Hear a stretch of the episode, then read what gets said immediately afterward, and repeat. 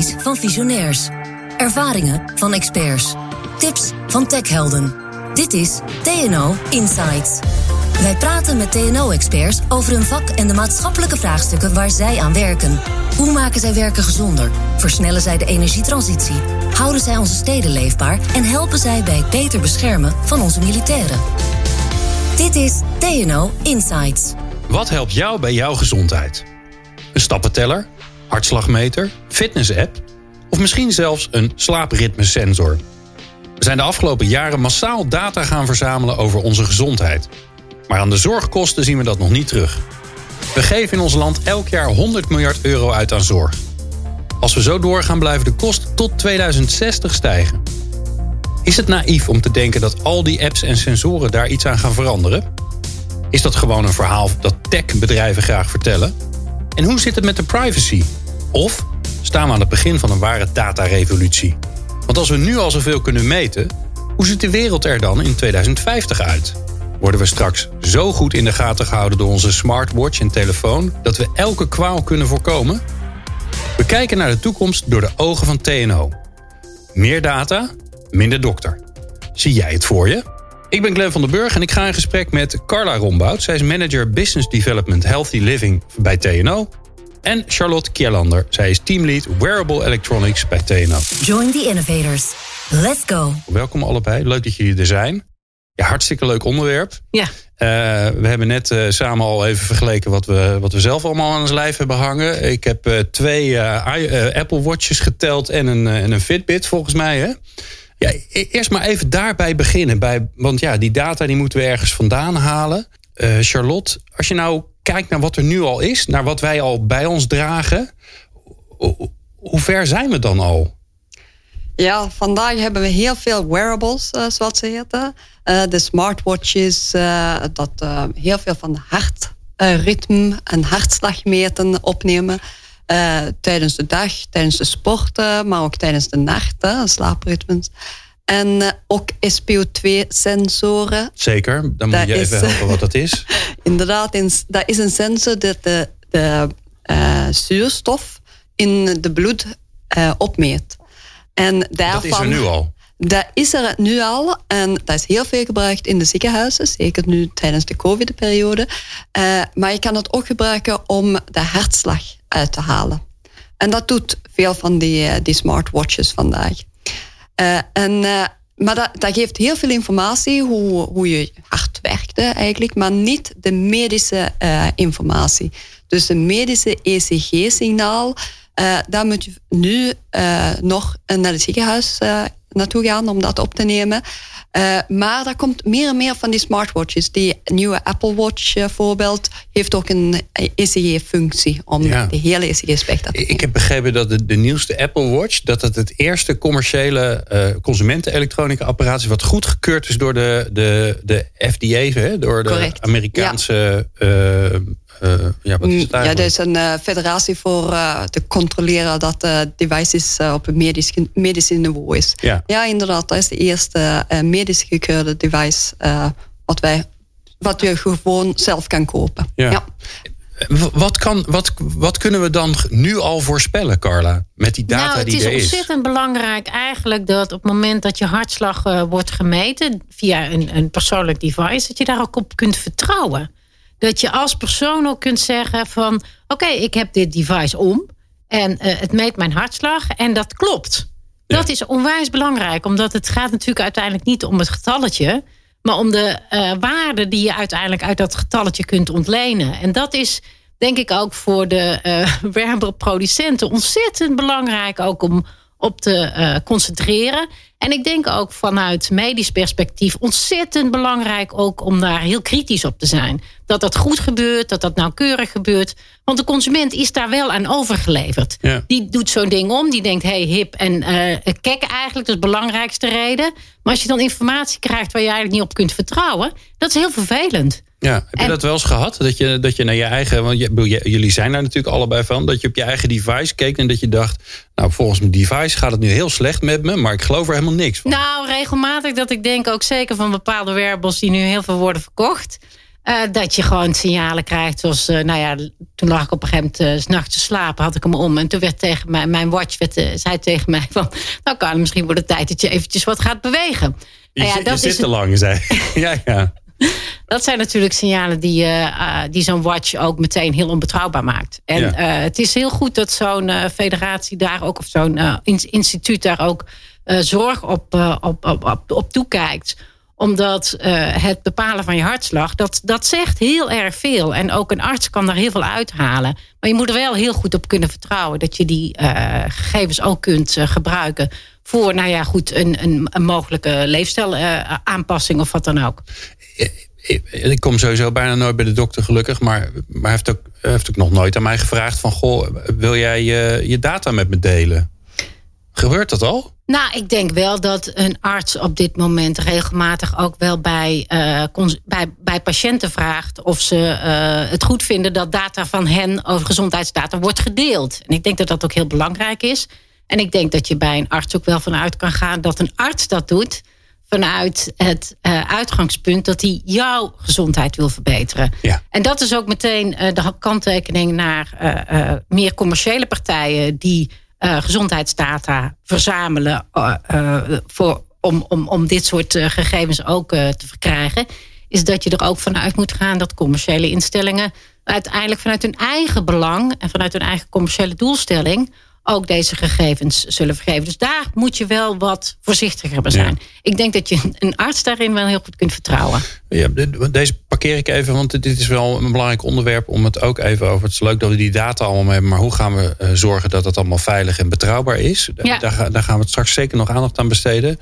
Uh, eerst nog even naar die artsen. Nou, er zijn dus artsen die zeggen: Goh, interessant dat je data vastlegt. Dat kan mij helpen in, in mijn werk. Mm -hmm. uh, gebeurt het ook andersom, Charlotte? Dat, dat een, een arts nu al zegt joh, uh, bij, ik, ik, kan je helpen door data te gaan verzamelen. En uh, uh, ik heb een, nou ja, iets wat ik je op kan plakken of een horloge die je om kan doen, zodat je geholpen wordt bij, nou, bij je leefstijlinterventie of bij überhaupt kijken wat er met je aan de hand is. Gebeurt dat al? minder eigenlijk. Hè. Dus dat is ook wat Carla zegt, de acceptatie van de medische wereld is zeer belangrijk. En dan merken wij dat die artsen vertrouwen de, de systemen dat nu bestaan en wat nu bestaan in de ziekenhuizen. Uh, dus al die nieuwe wearables uh, vertrouwen ze veel minder. zijn er nieuwe wearables, zijn er ook pleisters dat je opplakken voor ECG te meten, voor holtermetingen. dus drie dagen ECG monitoren, dus de hartmonitoren thuis. Maar de artsen vertrouwen dat veel minder. Ze willen liever zijn gewone apparatuur hebben dat ze altijd hebben gehad. Uh, niet iedereen natuurlijk, maar in het algemeen vertrouwen ze uh, liever dingen wat ze altijd hebben. Ja, dus daar ligt ook nog wel een uitdaging hè, om te zorgen dat de betrouwbaarheid, niet alleen maar de betrouwbaarheid zelf, maar ook de, hoe de betrouwbaarheid gepercipieerd wordt. Als het uit het ziekenhuis komt, is het goed. Dus als het, eigenlijk moet je ja. daar dan beginnen, zou je bijna zeggen. Inderdaad, inderdaad. Maar je moet daar met stappen naartoe. Hè. Wij zien wel uh, die Apple Watch, dat is wel een goede voorbeeld, hè, dat de FDA-approval hebben gekregen. Uh, dat komt van de consumentenmarkt af. Uh, er zijn er weinig nieuwe sensoren die die richting opgaan. Ja. Dat van de consumentenmarkt. De meeste komen wel van de medische wereld en gaan door, door al die clinical studies en dan naar de markt toe.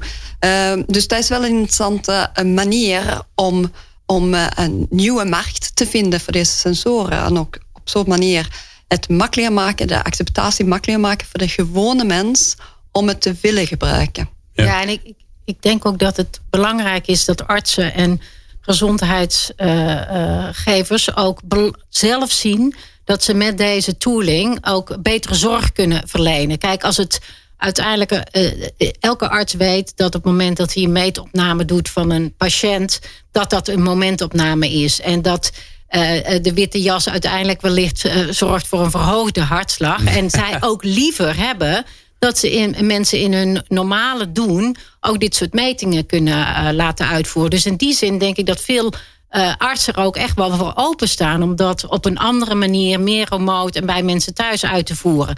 Maar als het er uiteindelijk toe leidt dat bijvoorbeeld mensen meer verontrust raken, omdat ze die metingen zelf zien en dat eigenlijk slecht kunnen interpreteren, dan zorgt het eigenlijk alleen maar voor extra werk en extra zorg, wat uh, uiteindelijk de patiënt of de burger zelf ook niet helpt. Dus dat is ook de uitdaging in dit soort toepassingen. Ja, dus ik, ik hoor je eigenlijk zeggen, Carla, dat. Uh, het hebben van een wearable, het, verzamelen van data, zelfs het analyseren van die data nog niet voldoende is. Het gaat er ook om ja, wat er uiteindelijk met, ja, met het individu gebeurt. Ja, wat je uiteindelijk met die, dat je die gegevens en die data ook op een juiste manier interpreteert. Dat je daar als, als persoon ook daadwerkelijk iets mee kan doen op een dusdanige manier dat het je gezondheid ook verbetert. En uh, je kunt die metingen natuurlijk op allerlei mogelijke manieren interpreteren. En degene die daar het beste zeg maar, voor opgeleid zijn, dat zijn toch artsen. Ja. Uh, die hebben een jarenlange studie achter de rug. Het is niet voor niets dat die studie zo lang duurt. Uh, het interpreteren daarvan is echt een vak apart. En uh, ja, dat moet je eigenlijk toch wel bij uh, dat soort experts laten. Ja, nou, de grote vraag is natuurlijk: gaat er meer data uiteindelijk leiden tot minder dokter? Hè, dus tot minder druk op de dokter? Want die, die, de dokter staat natuurlijk voor het hele zorgsysteem, want die staat al behoorlijk onder druk, zeker in deze tijden. Um, als we nou even naar de toekomst kijken. Uh, Charlotte. Uh, want jij hebt ook allemaal mooie dingen meegenomen. Dus er wordt de uitdaging voor ons te beschrijven van, uh, van wat is er allemaal. Um, dit, dit zijn nieuwe ontwikkelingen waaraan gewerkt wordt. Um, neem ons eens mee. Wat, wat zit er aan te komen? Lopen we over 10, 20 jaar allemaal met allemaal pleisters en plakkers en onderhuidse dingen rond? Of neem ons eens mee. Wat, wat gaat er gebeuren? Ja, zeker. Als we beginnen wat, uh, hoe het is vandaag, hè, als voorbeeld, uh, je, je, gaat, uh, je hebt een probleem met je hart. Dus je wil echt je hart monitoren. dat, dat gebeurt heel veel. We zijn ouder, dus zijn er een groot deel van onze bevolking hebben hartfalen. En vandaag ga je naar het ziekenhuis, je krijgt daar kleine stickertjes en uh, tien of twaalf op je hele lichaam uh, geplakt met kabels. En je moet er dan stil liggen een half uurtje en dan neem je een ECG-spectra op. Inderdaad, stil liggen in een ziekenhuis. Uh, niet, niet bepaald leuk. Hè? Ik heb er wel een het paar. Het is niet leuk en het lijkt niet op het echte leven ook, zou ik zeggen. Nee, dat is wel goed als het dat niet op lijkt. Hè? Dus dat is goed. Um, en dus je zit vast aan, aan de apparatuur. Uh, daar zijn er hoogopgeleide mensen bij, uh, verpleegkundigen, dokters, die je helpt en begeleidt tijdens deze periode en die ook de data bekijkt. Uh, de toekomst gaat meer dat je thuis de meting kan opnemen. Dus echt remote meten. je, je neemt een pleister, een slimme pleister op. Hè. Ik heb een eentje hier meegenomen, waar je um, sensoren hebben aan de zijkanten. Ja, het ziet er een beetje uit als een vlinder. Hè? In het midden zit, een, eh, zit het apparaatje zelf. En, dan, en aan de vleugels van de vlinder zijn eigenlijk de, de sensoren.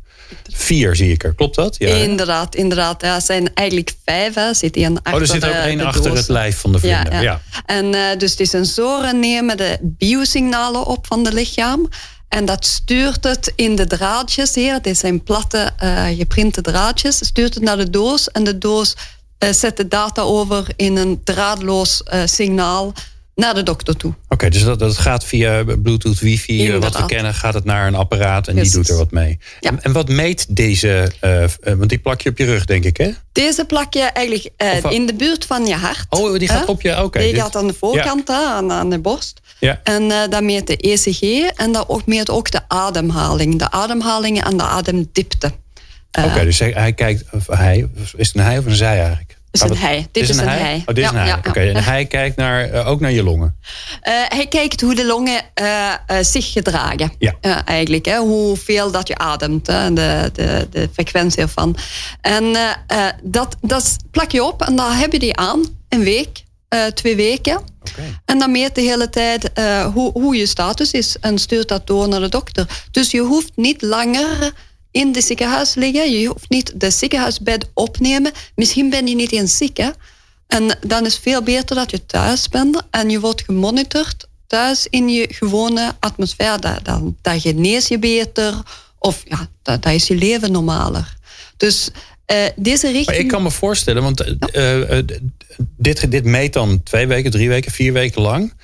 Die kan natuurlijk ook gecombineerd worden, zit ik maar te bedenken, Carla, met je met je agenda. En die kan dan zeggen, ja, ik snap, hè, ik, ik zie een patroon. Ja. Want ik zie dat je op woensdagavond, eh, dan, eh, eh, dan, dan heb je eigenlijk de slechtste hè, fysiologische resultaten.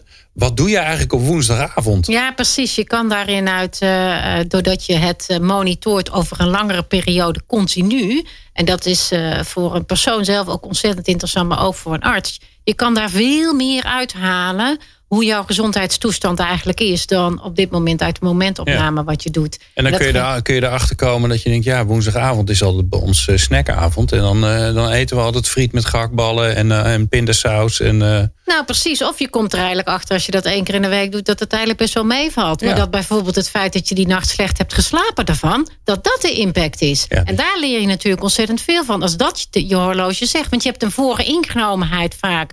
Op basis van dingen die je leest, op basis van dingen die je weet. Maar op het moment dat je zo'n metertje hebt omhangen wat je, waar je op kan vertrouwen, dan kan je echt ook inderdaad daar een, eh, een, een, een ja, stuk kennis eigenlijk door opbouwen Ja. over jezelf. Dat is echt heel erg waardevol. ja. Ja. Ja. En ook de bewustmaking eh, ver- eh, vergroten van jezelf. Je maakt je bewust hoe je lichaam reageert op bepaalde dingen. Maar dan moet je inderdaad je moet er vertrouwen hebben in dat het werkt. En je moet het ook willen dragen en kunnen dragen. Dus daarom is het heel belangrijk om heel stretchable hè, Oh, je eh, hebt nu eh, oh, materialen bij. Oh ja, je hebt nu een soort, soort rubber plakje met ook weer sensoren erop. Inderdaad. Dus je moet het kunnen stretchen zodat het volgt de lichaams... En dat gaat niet kapot, want je zit er enorm aan te trekken. Hè? Alsof je, ja, alsof je een, rubber, je hebt van die, van die fitnessbandjes, zo ziet het er een beetje uit. Ja, ja, het- met spieren is niks mis, zie ik al. Maar er zitten sensoren in. Je- Maar die, Ja. die verbindingen die maak je niet kapot op deze manier. Precies. Wauw. Eh dat maak je niet kapot, zodat je het kan en wil dragen. Denk, denk dat dit een pleister is. Eh, en Ja. je zet een pleister op je huid. En als de pleister niet trekt en meegaat met de huid, eh, is dat niet fijn. Nee. Dat is echt Nee, heel maar dan zeer. trekt het en gaat het jeuken. En, Inderdaad. ja. En het doet pijn ook. Hè. Dus als je deze pleisters aan wil hebben, een, een week, twee weken, dan moet het meegaan met de lichaams, eh, lichaamsbewegingen en ook kunnen ademen. En, Ja. eh, en inderdaad, eh, de, de bewustmaking is een belangrijk punt ook. Hè, dat, dat het niet alleen maar meet, maar het ook vertelt. Ja, maar dit is hart en, en, en ademhaling. Hè? Dus als ik de dingen op zou hebben, dan zou die nu zeggen: je moet even ademhalen, want je hebt een beetje een kikker in je keel, zoals jullie wel horen. Ehm, eh, er zijn natuurlijk nog veel meer dingen te meten. En ik zit bijvoorbeeld hè, aan, aan extreme situaties te denken. Hè, dus aan sporters, eh, eh, voetbal. Eh, ik weet dat de, de hockeyers er redelijk snel mee zijn begonnen. Maar dat was volgens mij vooral versnellingsmeters en zo die erin zaten. Bewegingsdetectoren. Ja. Ja, ja. Maar natuurlijk heel interessant om te weten hoe, ja, hoe alles eigenlijk in het lijf van een sporter eh, tijdens een wedstrijd, wat er eigenlijk gaande is. Inderdaad, je kan eh, van, van de beweging, eh, de temperatuur, eh, hoeveel dat je zwe- de, de zweetconcentratie en hoeveel dat is. Ja. Eh, en Hartslag, ademhalen, glucoseniveau. Ja, je kan heel veel van de buiten van het lichaam meten. En dan kan je natuurlijk evenveel van binnenin meten. Dus Van wearables, eh, ja, ingestibles, implantables gebruiken om meer te kunnen meten van, van de lichaamsfuncties. Maar dan wordt het wel, want zo'n ding op mijn lijf zou ik denken, is goed, dat kan ik afdoen. Maar als ik iets moet inslikken, vind ik het spannend worden. Maar als het onder mijn huid komt, dan denk ik, ik weet niet of ik daar niet zoveel zin in heb. Maar, maar toch gebeurt dat eh, vrij veel. Dat zijn meer voor praktische eh, toepassingen als een eh, ehm, ehm, treinticket eigenlijk. Dat je zet onder, onder de huid. En dan eh, kan je het zo gebruiken. Je zou het eigenlijk kunnen gebruiken voor betaling. eh, Ja, ook, ja. Dan krijg je zo'n zo'n zo'n chipje wat ook in je telefoon zit, zodat je met je telefoon kan betalen. Precies, een klein beetje, een beetje kleiner eh, inderdaad. En dan, dan moet je nooit je portemonnee zoeken meer. Nee. En denk daaraan, als daar al je medische informatie zit, is dat wel handig als naar je dokter komt. Of je op eh, straat eh, eh, neervalt en je bent bewusteloos. Kunnen ze Dat, even eh, kijken wie je bent. Zij even En kunnen achterhalen waar eh, al je, eh, ook al jouw gezondheidsdata staat opgeslagen. Want op Ja. dit moment, eh, als je iets overkomt, eh, dan kan het zomaar zijn dat eh, degene die jou eh, eh, dan daadwerkelijk daar wil helpen, geen toegang heeft tot al jouw gezondheidsgegevens. Omdat dat nu verspreid ligt over gemiddeld 43 verschillende databronnen. Ja. En eh, nou ja, dat geeft natuurlijk degene die jou op dat moment de acute zorg wil geven. uh, niet uh, de mogelijkheid om dat te doen op basis van alle gegevens die er over jou bestaan. Ja. Dus uh, ik vind, het is een hele belangrijke ontwikkeling. En ik begrijp ook wat je zegt van god, het lijkt me heel erg uh, akelig als zoiets onder mijn huid komt. En dat is het natuurlijk ook. Op het moment dat je denkt, ja, als het onder mijn huid zit, dan kan ik het er niet meer afkrabben. Dan heb ik er eigenlijk geen controle meer over. Maar dat hoeft natuurlijk helemaal niet. Je kan vanwege die technologie ook juist zorgen dat je veel meer controle krijgt over je gezondheidsgegevens. Juist omdat je het bij je draagt op een manier die beschermd is. En ook op een manier waarop jij zelf kunt bepalen of je het aan of uitzet. Ik, ik wil even met jullie naar de, de, de downside. Hè? Want anders wordt het zo'n blij verhaal van het komt allemaal goed. En uh, dan gelooft niemand meer ons. Want er zit, er zit, het is technologie. Je kan er hele goede dingen mee doen. Maar je kan er ook hele verkeerde mee, dingen mee doen. Charlotte, wil met jou beginnen. Wat, uh, wat is een bedreiging voor deze ontwikkelingen?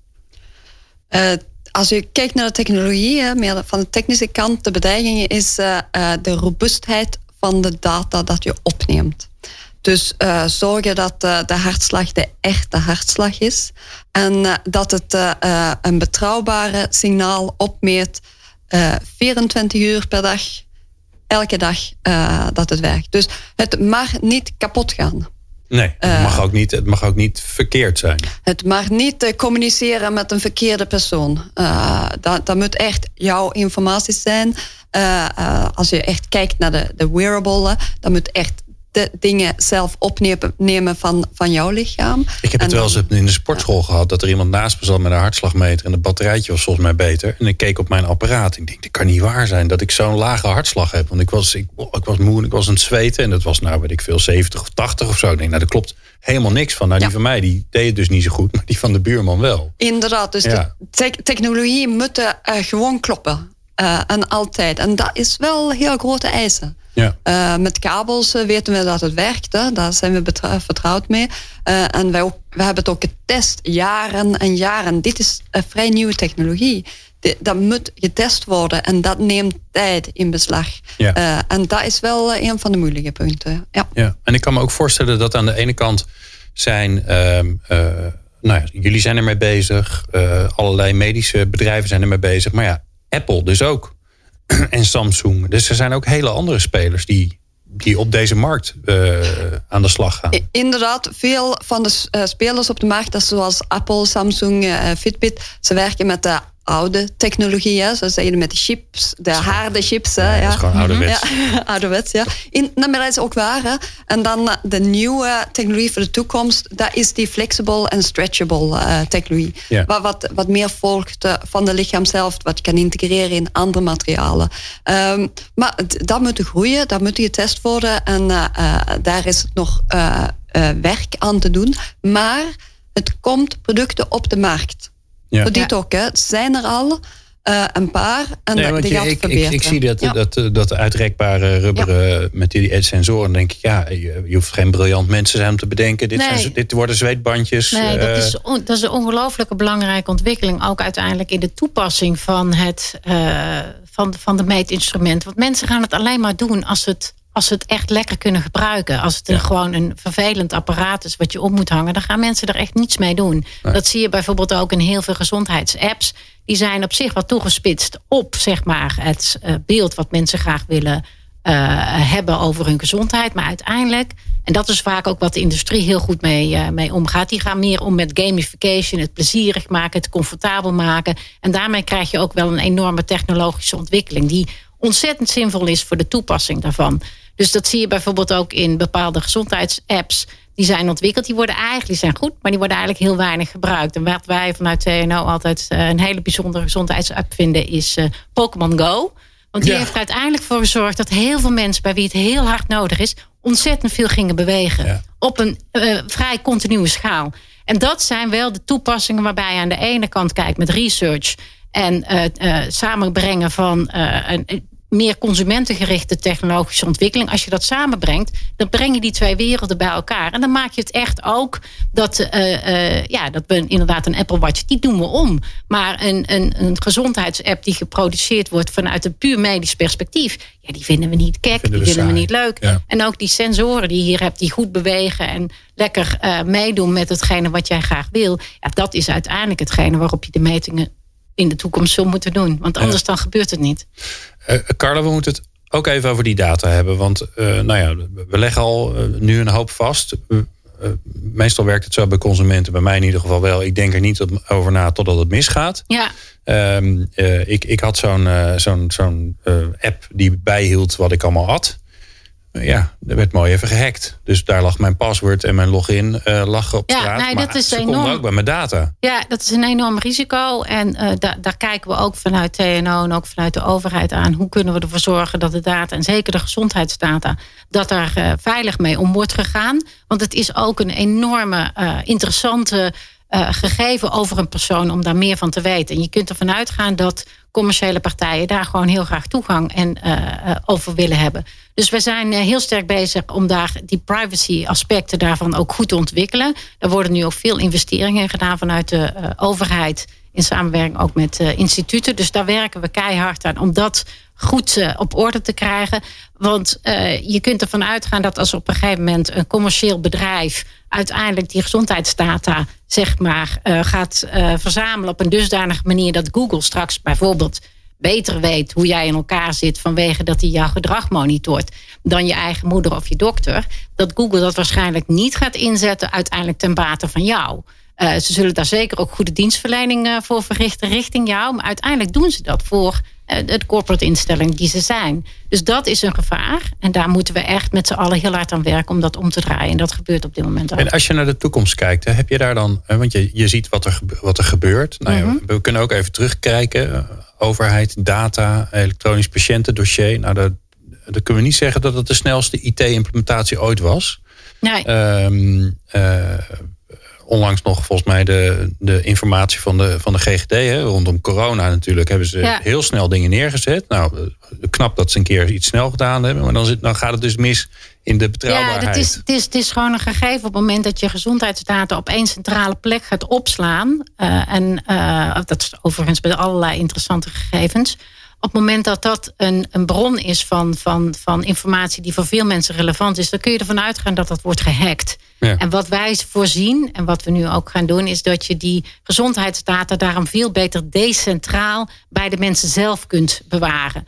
Dus dat je een persoonlijke datalokker creëert, waar jij als enige echt toegang toe hebt. En als enige ook echt toegang toe geeft aan uh, personen van, bij wie je dat vertrouwt, of instellingen die daar gebruik van willen maken. Dan kun je ervoor zorgen dat die gezondheidsdata op een veilige manier wordt uh, bewaakt. Als je dat centraal gaat doen, wat inderdaad ook met het EPD en wat je ook in veel landen ziet dat dat gebeurt, dan kun je erop wachten totdat het wordt gehackt. Ja, ja, omdat dan alles bij elkaar staat Ja. en het interessant is. Ja, is precies. Anders, En dan- anders, anders zou je iedereen moeten gaan hacken individueel. Exact. En dat gaat Exact. niemand doen. Nee, Ah, kijk. En dan komt misschien dat chipje onder de huid wel weer om de hoek. dan kijken. is dat eigenlijk eventjes eh, een stuk veiliger dan we in eerste instantie dachten. Ja, en als je hem dan nog een beetje hip maakt. Ja, zodat precies. het eruit ziet als een, eh, een of andere leuke tato. En je kunt nog, een, eh, kunt nog een, een, zelf een, een persoonlijk iets uitzoeken. Ja, precies. Dan wordt het Nou. heel aantrekkelijk. Ja, wij komen er wel uit hier met z'n drieën. Ehm, we gaan nog even naar de toekomst. Want deze podcast begon niet voor niks met meer data, minder dokter. Ehm, is dat een goede aanname? Dat als we het. Hè, dus we, we hebben alles op de goede manier geregeld. Dus we hebben fantastische wearables. Die zijn heel goedkoop. Iedereen kan de hele dag rondlopen met alles wat er is. We verzamelen de data. Die wordt heel veilig persoonlijk bewaard. Niemand kan erbij. Maar ik kan wel toegang geven. Ik, ik kan wel. Ja, wat kan ik dan eigenlijk? Dat is eigenlijk de vraag. Wat Nou. kan ik waardoor ik niet. Waardoor ik kan voorkomen dat ik ziek word. Of kan bepalen dat ik überhaupt ziek ben. Of weet dat ik nu wel een Nou de, moet de, diagnose zeg maar, van je gezondheid, of de fitheid van je gezondheid, kan op een veel natuurlijke manier worden gemeten. Eh, omdat je veel meer datapunten hebt, kan je, je de, zeg maar, eh, het voorspellen dat je mogelijkerwijs een ziekte gaat ontwikkelen, kan met vele grote nauwkeurigheid worden vastgelegd. Dus hoe meer datapunten, hoe beter. En, en je, je lichaam is onwaarschijnlijk ingewikkeld. Dus op het moment dat je steeds meer datapunten hebt waarop je dat kan meten, kan je op een steeds nauwkeuriger manier voorspellen wat je mogelijk aan ziekte ontwikkelt vanwege bijvoorbeeld slechte uh, leefstijlgewoontes. maar ook dat je uh, een, een, een, een, bevestiging krijgt dat je eigenlijk best wel gezond bent. En ook dat is een enorme toevoeging wel aan het, uh, aan, aan, aan het zorgpakket. Want er zijn ook heel veel mensen die denken: hé, hey, ik voel iets. En op dat moment stappen ze naar de dokter en dan blijkt er eigenlijk niet zo heel veel aan de hand te zijn. Maar neem ons eens mee. Waar, waar kijk ik überhaupt? Want er wordt van alles. We, weten van Charlotte, we zijn volgeplakt met van alles nog wat. We, we zitten onder de huid en we hebben het ingeslikt. We nemen elke dag even een pilletje, zodat het pilletje kan checken hoe het eigenlijk met ons is. Dat gaan we allemaal doen. dus dat is geregeld. Maar hoe, waar kijk ik? Waar, ja, je krijgt. En nou op zich dat je zelf vanuit jouw eigen leefgewoontes en leefstijl een heel nauwkeurig beeld krijgt. Wanneer bijvoorbeeld bij jou de stress toeneemt. Of wanneer jouw glucose-levels eh, stijgen, dan wel dalen. Of wanneer je. En dat je dan terugkijkt. Ja, hey, nou zie ik een stijging in dat metertje. En dan voel ik eigenlijk, dat was ook op het moment waar ik me niet zo goed voelde. Misschien kwam dat wel, omdat ik van tevoren eigenlijk heel ongezond had gegeten. hey, misschien moet ik dat dus even niet meer doen. Het feit dat je een directe terugkoppeling krijgt op mogelijk ongezond gedrag, dat is veel effectiever dan dat je naar de dokter gaat en dat hij tegen je zegt: Ja, meneer of mevrouw, uh, wellicht moet u wat afvallen. Maar op het moment dat je direct voelt: hey, door dit slechte eetgedrag voel ik me slechter dat is uh, een veel betere, directere terugkoppeling dan, dan dat je dat één keer in de zoveel tijd van de dokter hoort. ik merk dat nu persoonlijk zelf al. Hè. Dan, dan, uh, ik, ik was uh, laatst bij vrienden en we lekker, lekker zitten eten. Niet belachelijk veel naar mijn idee, maar ik ging s'avonds slapen en ik kon niet in slaap komen. Ik was onrustig. En stel je voor dat dat gebeurt.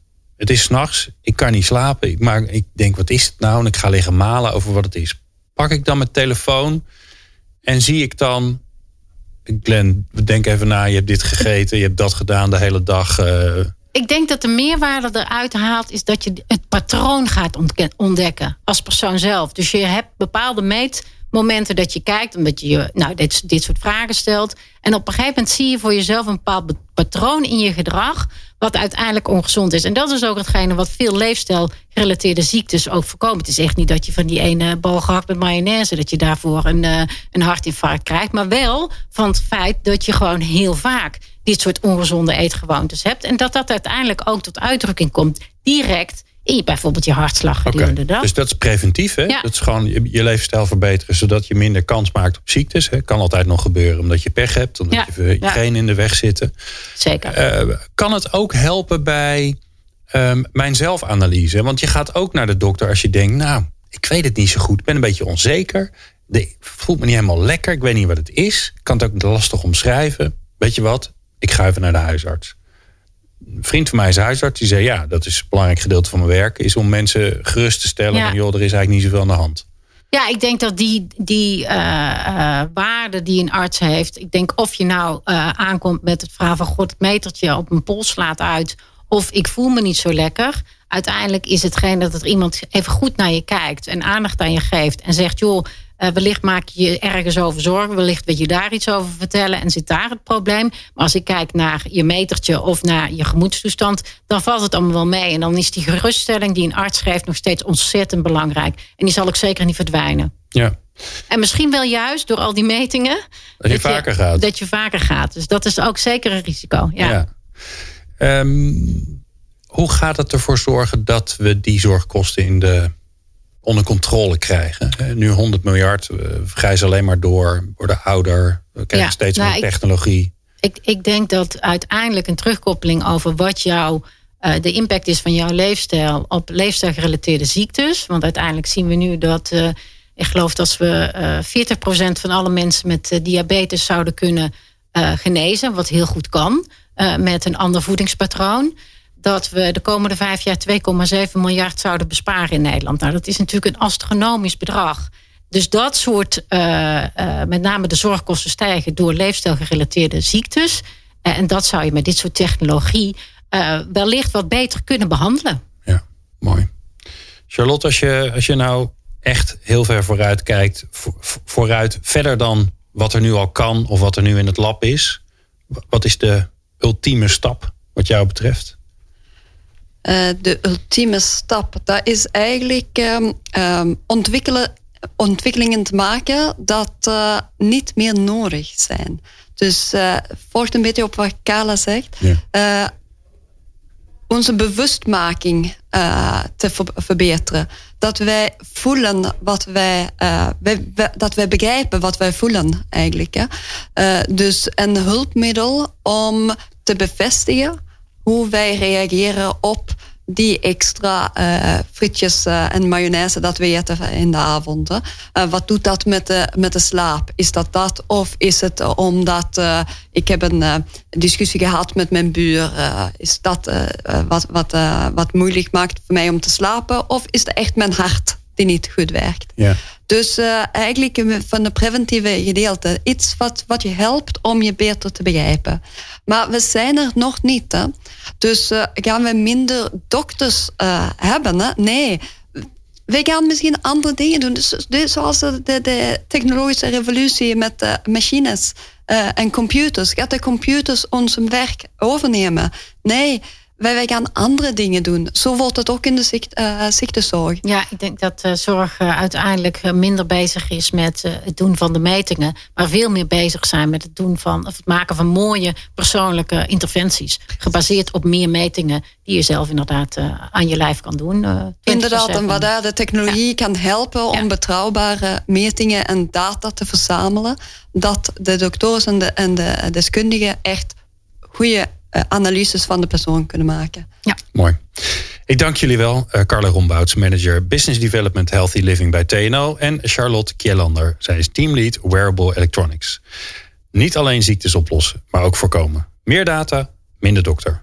Zie jij het voor je?